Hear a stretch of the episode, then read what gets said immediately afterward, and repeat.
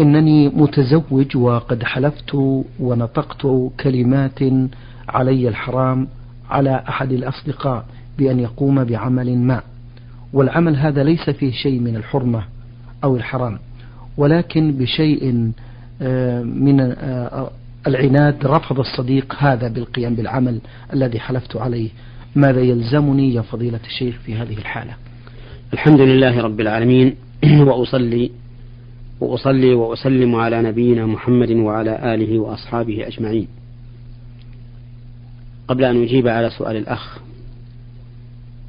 أحب أن أوجه نصيحة لإخواني المسلمين بأن يحترزوا من إطلاق مثل هذه العبارات علي الحرام أو ما أشبهه وذلك لقول الله تعالى يا أيها النبي لم تحرم ما أحل الله لك تبتغي مرضات أزواجك؟ والله غفور رحيم. ولقوله تعالى يا أيها الذين آمنوا لا تحرموا طيبات ما أحل الله لكم ولا تعتدوا. إن الله لا يحب المعتدين. فلا ينبغي للإنسان أن يستعمل هذه العبارات في أيمانه. وإذا استعملها فإننا نقول له إذا كنت تريد اليمين فحكم ذلك القول حكم اليمين. فإن تم ما قلت فلا شيء عليك وإن لم يتم فعليك كفارة يمين وكفارة اليمين هي واحد من أمور أربعة ثلاثة منها على التخيير وواحد على الترتيب. أما الثلاثة التي على التخيير فهي قوله فهي مذكورة في قوله تعالى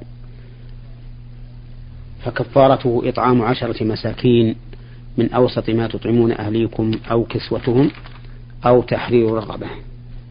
فيخير بين هذه الأمور الثلاثة. إن شاء أطعم عشرة مساكين وإن شاء كساهم وإن شاء أعتق رقبة. فإما فأما إطعامهم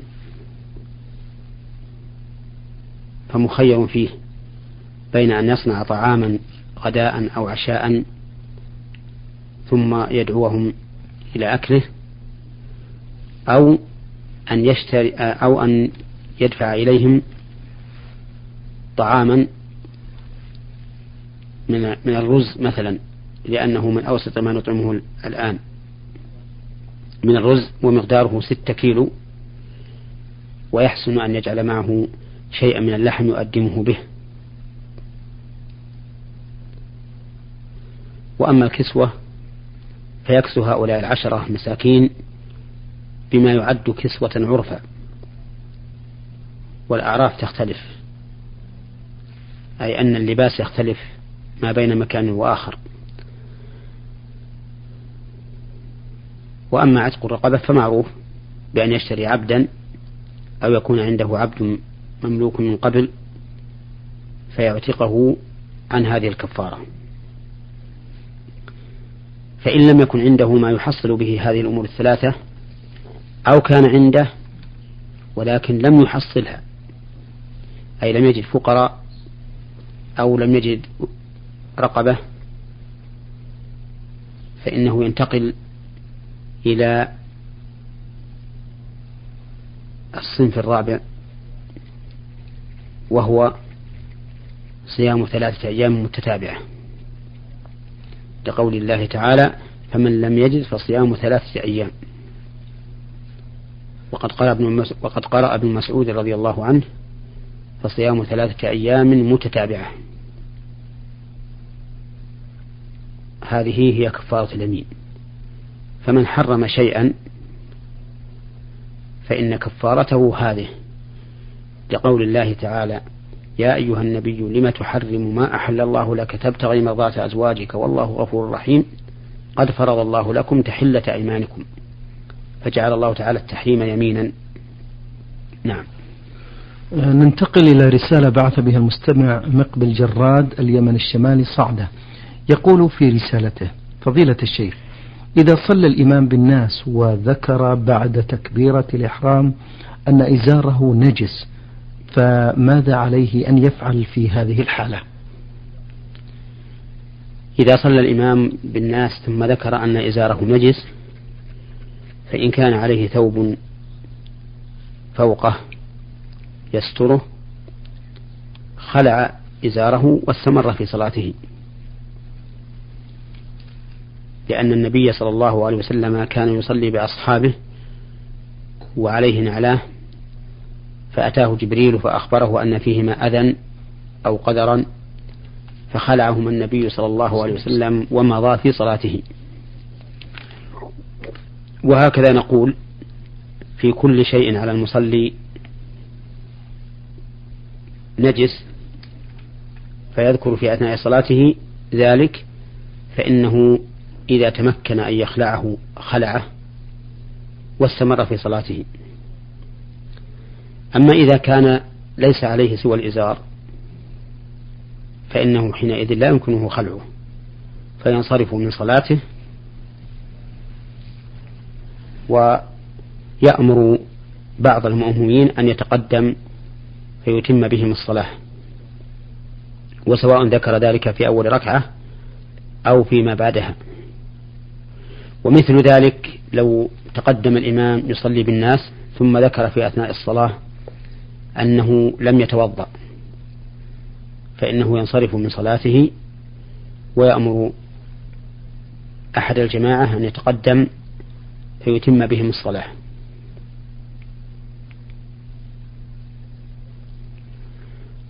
وينبغي للإنسان إذا أصابته نجاسة أن يبادر بغسلها تنزها منها ولئلا ينسى فيصلي وهو متلبس بها. ودليل ذلك من السنة أن النبي صلى الله عليه وسلم أتي بغلام صغير لم يأكل الطعام فوضعه في حجره فبال على حجر النبي عليه الصلاة والسلام. فدعا النبي صلى الله عليه وسلم بماء فأتبعه إياه في الحال. ولما جاء الأعرابي وبال في طائفة من المسجد أي في جانب منه أمر النبي صلى الله عليه وسلم بذنوب من ماء فأريق عليه. فالذي ينبغي للإنسان إذا أصابته نجاسة أن يبادر بالتطهر منها لا يقول أدعوها حتى أتوضأ لأنه قد ينسى. ولأن هذه النجاسة قد تصيب طرفا منه رطبا فيتنجس فيتنجس بها. نعم. أثابكم الله فضيلة الشيخ. آه هذا صلاح عبد الله من السودان آه أرسل آه بهذه الرسالة يقول فيها كيف أدعو بالأسماء الحسنى؟ هل أدعو آه بالتسعة والتسعين؟ آه أرجو من فضيلة الشيخ إجابة. يقول الله عز وجل ولله الأسماء الحسنى فادعوه بها. وليس المعنى أن ندعوه بجميع هذه الأسماء لأن النبي صلى الله عليه وسلم كان يدعو الله بأسمائه من غير أن يجمعها كلها. وكيفية الدعاء بالأسماء؟ أن تقدمها بين يدي دعائك متوسلا بها إلى الله أو أن تختم بها دعائك مثال الأول أن تقول اللهم يا غفور اغفر لي يا رحيم ارحمني وما أشبه ذلك. ومثال الثاني أن تقول رب اغفر لي وارحمني إنك أنت الغفور الرحيم. وقد طلب أبو بكر الصديق من النبي صلى الله عليه وسلم أن, يد أن يعلمه دعاء يدعو به في صلاته فقال له النبي صلى الله عليه وسلم قل اللهم إني ظلمت نفسي ظلما كثيرا ولا يغفر الذنوب إلا أنت فاغفر لي مغفرة من عندك وارحمني إنك أنت الغفور الرحيم. وكما يجوز التوسل إلى الله تعالى بأسمائه عند الدعاء فإنه يجوز أن يتوسل الإنسان بصفات الله عند الدعاء. كما في الحديث الصحيح اللهم بعلمك الغيب وقدرتك الخلق وقدرتك على الخلق أحيني ما علمت الحياة خيرا لي. فهذا توسل إلى الله تعالى بعلمه وقدرته. وكذلك قول القائل في صلاة في دعاء الاستخارة اللهم إني أستخيرك بعلمك وأستقدرك بقدرتك فإنك تقدر ولا أقدر وتعلم ولا أعلم وأنت علام الغيوب. فالتوسل إلى الله تعالى في الدعاء بأسمائه أو بصفاته سواء كان ذلك على سبيل العموم أو على سبيل الخصوص هو من الأمور المطلوبة. وقد عرفت الأمثلة في ذلك. ومن التوسل بأسماء الله على سبيل العموم ما جاء في حديث ابن مسعود رضي الله عنه في دعاء الهم والغم اللهم إني عبدك ابن عبدك ابن أمتك ناصيتي بيدك ماض في حكمك عدل في قضاؤك أسألك اللهم بكل اسم هو لك سميت به نفسك أو أنزلته في كتابك أو علمته أحد من خلقك أو استأثرت به في علم الغيب عندك أن تجعل القرآن العظيم ربيع قلبي ونور صدري وجلاء حزني وذهاب همي وغمي. فإنه ما دعا به داع مهموم أو مهموم أو مغموم إلا فرج الله به عنه. ففيه التوسل بأسماء الله عامة. أسألك بكل اسم هو لك. سميت به نفسك لكنه لم يعددها. نعم. بارك الله فيكم. هذا المستمع فاروق فرحات أحمد الرياض يعمل في المملكة العربية السعودية. يبدأ رسالة يبدأ رسالته بالسلام عليكم ورحمة الله وبركاته ويقول تحية من عند الله مباركة طيبة وشكرا للبرنامج وكل من يسهم في تنفيذه من أصحاب الفضيلة العلماء. وأدعو الله أن يجزيهم عنا خير الجزاء لما يقومون به من هداية للمسلمين وتعريفهم بأمور دينهم وتوضيح الحلال والحرام لكل حائر وملهوف. جعلكم الله عونا لكافة المسلمين في أنحاء الأرض. آه، سؤالي يا فضيلة الشيخ هو أنني قد رضعت من زوجة خالي وكانت التي أرضع معها فتاة وليس ولد وكان الأهل يحسبون أن هذه البنت هي التي يحرم علي زواجها. فهل هذا صحيح؟ أم أن كل أولادها البنات يحرمون علي لأن والدتهم تعتبر أمي من الرضاع؟ وعلى السائل السلام ورحمة الله وبركاته. ونسأل الله تعالى أن يجعل في هذا البرنامج الذي أثنى عليه خيرا ونفعا للمسلمين. وأما الجواب على سؤاله فإنه إذا كان الرضاع المذكور خمس رضعات في الحولين قبل الفطام فإن, أم فإن المرضعة تكون أما له ويكون زوجها أبا له. وعلى هذا فكل أولاد هذه المرأة من بنين أو بنات إخوة له. سواء البنت التي كان الرضاع من لبنها أم التي قبلها أو التي بعدها. فكل من كان ولدا للمرأة التي أرضعته من ذكر أو أنثى فهو أخ للمرتضع. وكذلك أولاد زوجها يكونون إخوة له. فإن كان فإن كانوا منها فهم إخوة له من الأب والأم وإن كانوا من زوجة أخرى فهم إخوة له من الأب. وبهذا نعرف أن هذه المرأة التي أرضعت أرضعته لو كان لها أولاد من زوج سابق كانوا إخوة له من الأم. وإذا كان لزوجها التي هي الآن في حباله أولاد من غيرها كانوا إخوة له من الأب. وإذا كان لزوجها التي هي في حباله أولاد منها فهم إخوة له من الأم والأب. طيب. آه، في سؤاله الثاني يقول آه، وهو الأهم هو أنني قد تزوجت بفتاة من غير الأسرة وقد أنجبت منها بنات وأولاد. فهل يجوز لابن خالي الذي رضعت من والدته أن يتزوج من إحدى بناتي أم أن ذلك محرم يا فضيلة الشيخ ويعتبر هو أخي من أمي في الرضاع وعلى ذلك يكون هو عم ابنتي في الرضاع أرجو الإفادة جزاكم الله خيرا. نعم هذا الرجل الذي ارتضعت من أمه رضاعا محرما تمت فيه الشروط لا يصح أن يتزوج أو لا يحل لا يحل أن يتزوج بأحد من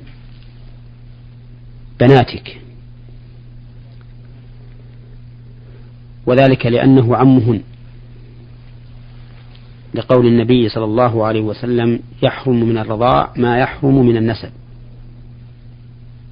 والمحرمات من النسب سبع ذكرهن الله تعالى في قوله حرمت عليكم أمهاتكم وبناتكم وأخواتكم وعماتكم وخالاتكم وبنات الأخ وبنات الأخت. فهؤلاء السبع نظيرهن من الرضاع حرام على الرجل فيحرم على الرجل أمه من الرضاع وبنته من الرضاع وأخته من الرضاع وبنت أخيه من الرضاع وبنت أخته من الرضاع وعمته من الرضاع وخالته من الرضاع. للحديث الذي أشرنا إليه آنفا. وعلى هذا فابن خالك الذي رضعت, رضعت من أمه رضاعا محرما تمت فيه الشروط لا يحل له أن يتزوج بأحد من بناتك أو بنات بناتك أو بنات أبنائك. نعم. آه، المستمع صلاح سليمان من السودان يسأل عن معنى الحديث الذي فيما معناه عن جابر بن عبد الله أن رسول الله صلى الله عليه وسلم قال اتقوا الظلم فإن الظلم ظلمات يوم القيامة واتقوا الشح فإن الشح أهلك من كان قبلكم. آه إلى آخر الحديث. معنى هذا الحديث أن رسول الله صلى الله عليه وسلم يحذر من الظلم وهو العدوان على أحد. سواء كان ذلك على حق الله عز وجل أو على حق عباده. فالعدوان على حق الله كالشرك. قال الله تعالى إن الشرك لظلم عظيم. وكذلك ما عداه من المعاصي الكبائر فما دونها هو ظلم بحسبه. وأما العدوان على حق الخلق فكثير كالعدوان على المسلم في عرضه أو ماله أو دمه. فالظلم ظلمات يوم القيامة. فيوم القيامة ليس فيه نور إلا للمؤمنين. يوم ترى المؤمنين والمؤمنات يسعى نورهم بين أيديهم وبأيمانهم.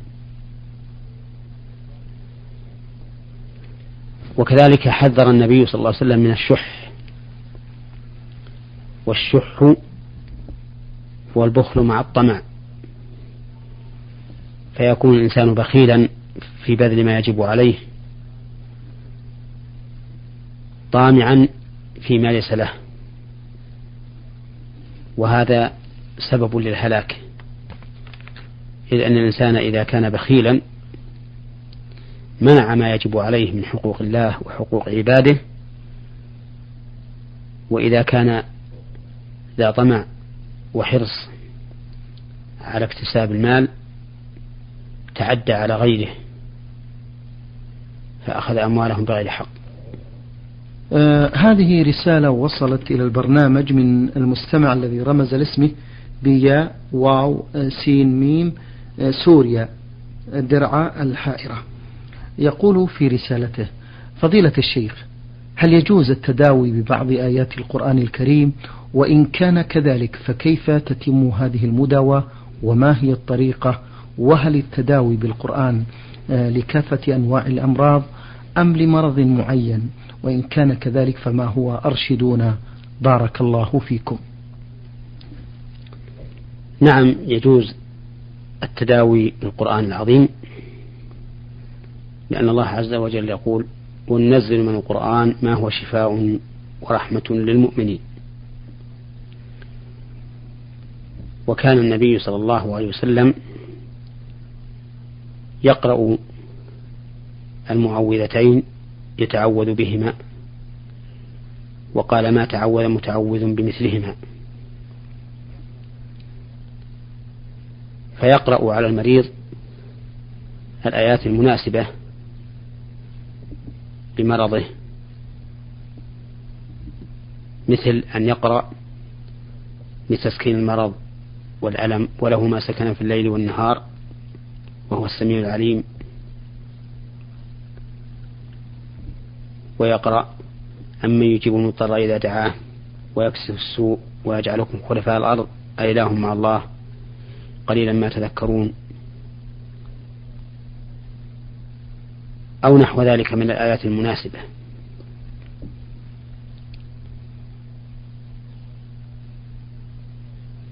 وكذلك يقرأ الفاتحة.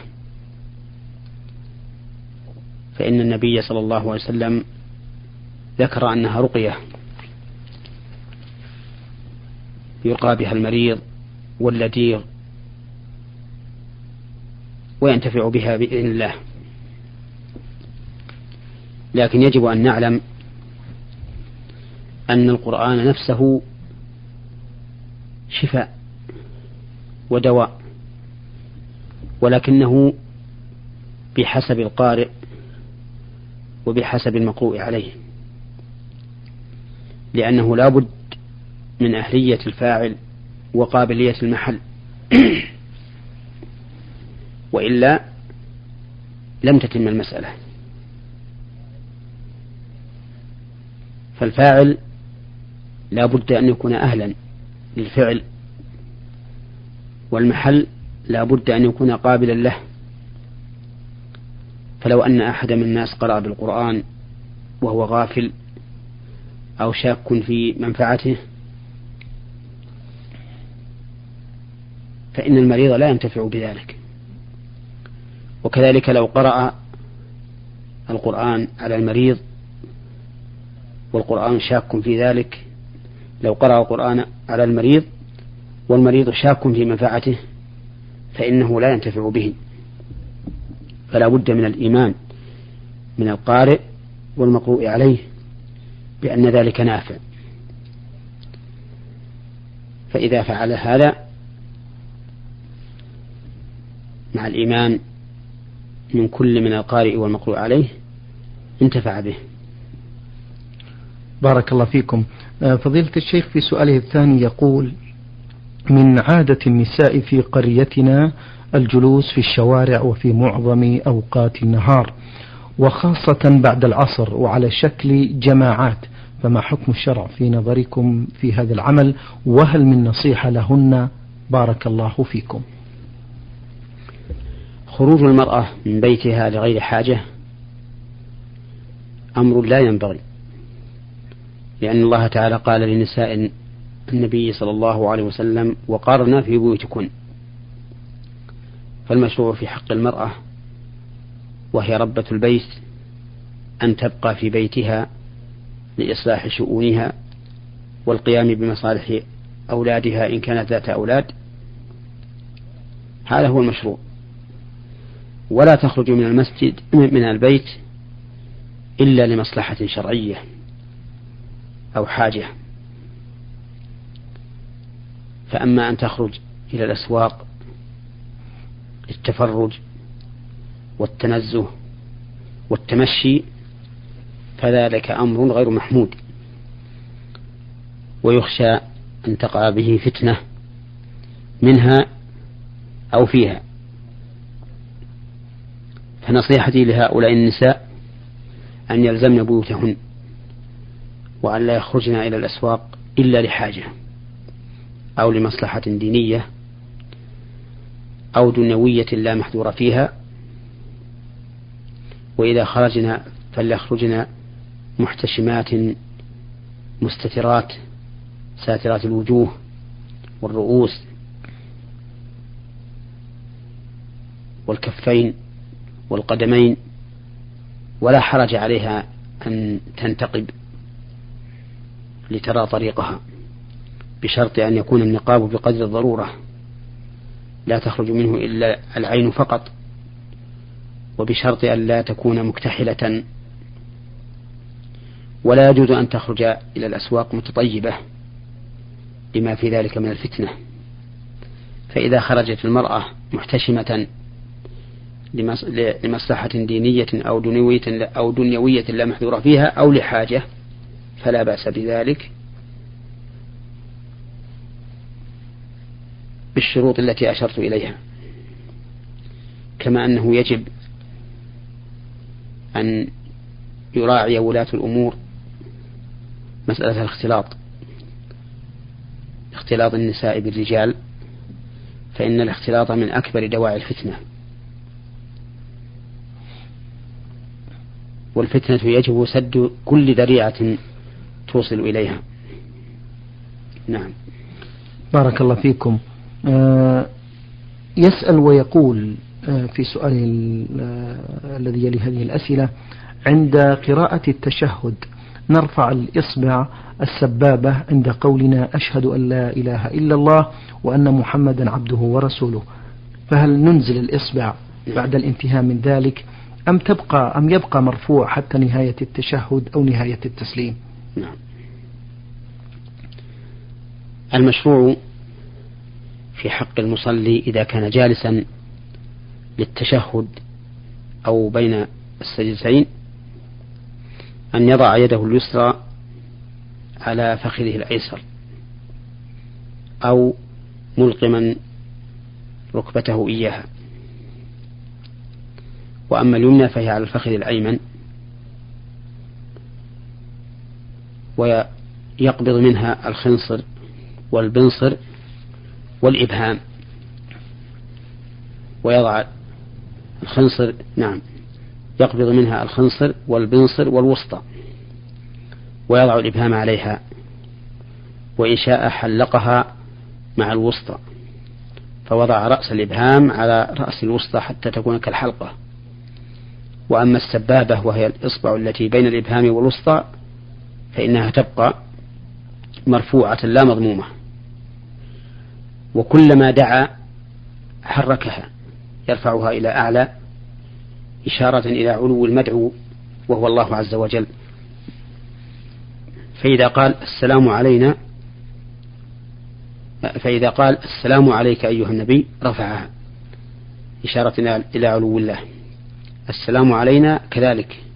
يرفعها إلى إشارة إلى علو, إلى علو الله عز وجل.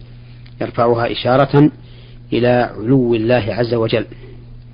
لأن قولك السلام عليك أيها النبي السلام علينا دعاء فإنك تدعو الله تعالى بحصول السلامة. وكذلك إذا قال اللهم صل على محمد اللهم بارك على محمد يشير بها إلى أعلى.